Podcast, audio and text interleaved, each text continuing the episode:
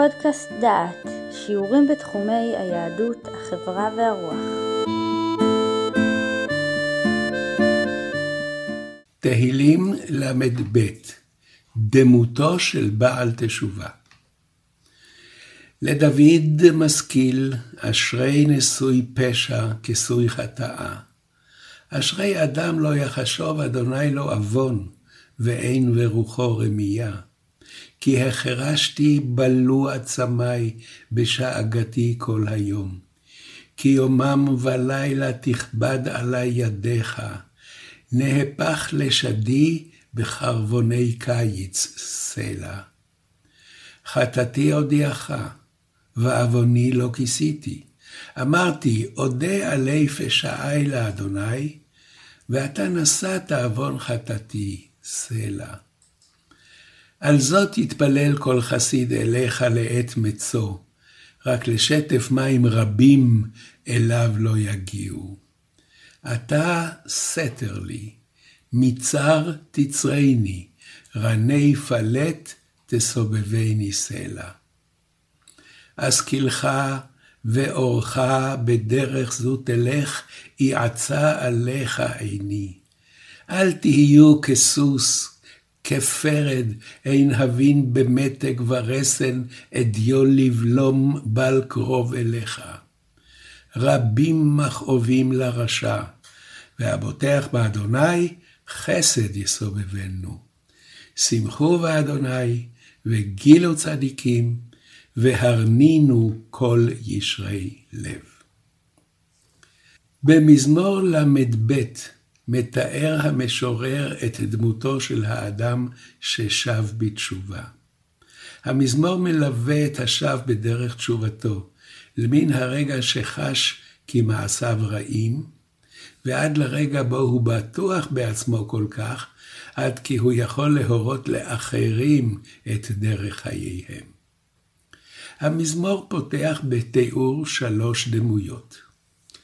א', אשרי נשוי פשע, במזמורנו, זה אדם שפשע אבל שב בתשובה ונסלח לו.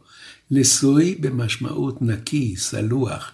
נשוי פשע, אדם שפשע ונסלח לו. ב', כסוי חטאה. זה אדם שחטאיו מכוסים מפני רוב מעשיו הטובים. הוא אמנם חוטא, אבל מעטים ודלים הם חטאיו. ג. אשרי אדם לא יחשוב אדוני לא עוון, ואין ברוחו רמייה. דמות זו היא דמות הצדיק, דמות המופת. אדם שגם השם לא מוצא לו עוון, כי לא עלתה על רוחו רמייה. השב בתשובה רוצה להידמות לאדם הזה, אבל הוא לא מצליח. החוזר בתשובה מתאר את סבלותיו. הוא מתאר את חוסר האונים שלו, את אי יכולתו להחליט מה לעשות וכיצד לנהוג. כי החרשתי בלו עצמיי. כאשר אני שותק ומתייסר, עצמותיו כאילו בלות נרקבות, בשאגתי כל היום. ואם אני שואג, צועק ונאנק על מעשיי, גם אז אין לי מנוחה. החוטא המתייסר פעמים שואג ופעמים שותק, אבל מנוחה אין לנפשו. כי יומם ולילה תכבד עלי ידיך, נהפך לשדי בחרבוני קיץ. האיש מתאר את החרדה האוחזת בו יום ולילה. לשדי, הלחלוכית שבי, נהפכת לחורב, ליובש, והמתפלל כמו זוכר את ההבטחה לצדיק בתהילים א', והיה כעץ שתול על פלגי מים, אשר פריו ייתן בעיתו, ועלהו לא ייבול. הצדיק הוא כעץ שתול על פלגי מים, ואילו אני נהפך לשדי בחרבוני קיץ. מן הסבל והחרדה עובר השב אל המעשה. התשובה אינה רק חרטה והרגשה של אוזלת יד, אלא גם הווידוי, השלב בו השב בתשובה מכריז על חטאו, ובכך הוא משתחרר. חטאתי הודיעך, ועווני לא כיסיתי. אמרתי, אודה עלי פשעי לאדוני, ואתה נשאת עוון חטאתי. ברגע שאני מודיע על חטאתי, ברגע שאיני מסתיר את עווני, ברגע שאני מודה על פשעי, מיד חלה הכפרה. רק אז מגיעה הסליחה.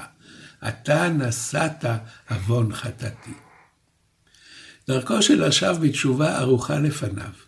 הוא מתייחס לחטאיו, הוא חרד לתוצאות מעשיו, והוא מתוודה על פשעיו.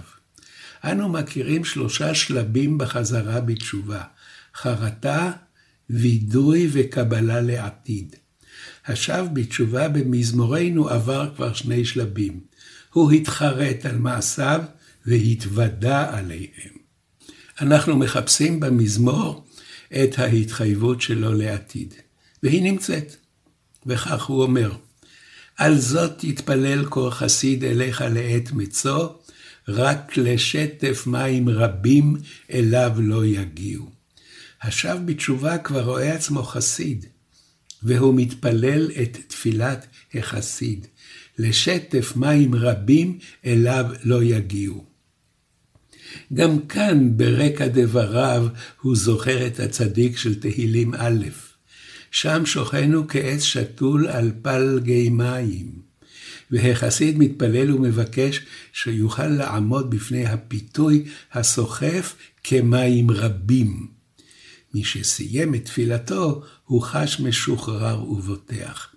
רבים מכאובים לרשע, והבוטח באדוני חסד יסובבנו.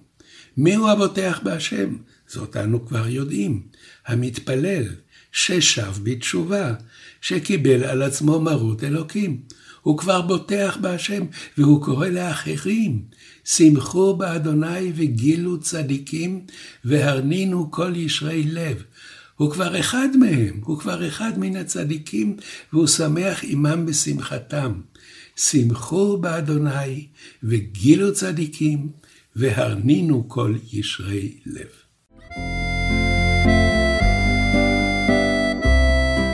שמעתם שיעור מתוך הקורס עיונים במזמורי תהילים, מאת פרופסור יהודה אייזנברג ובהשתתפות דוקטור יהושע רוזנברג. את הקורס המלא וקורסים נוספים ניתן לשמוע באתר דעת במדור פודקאסט.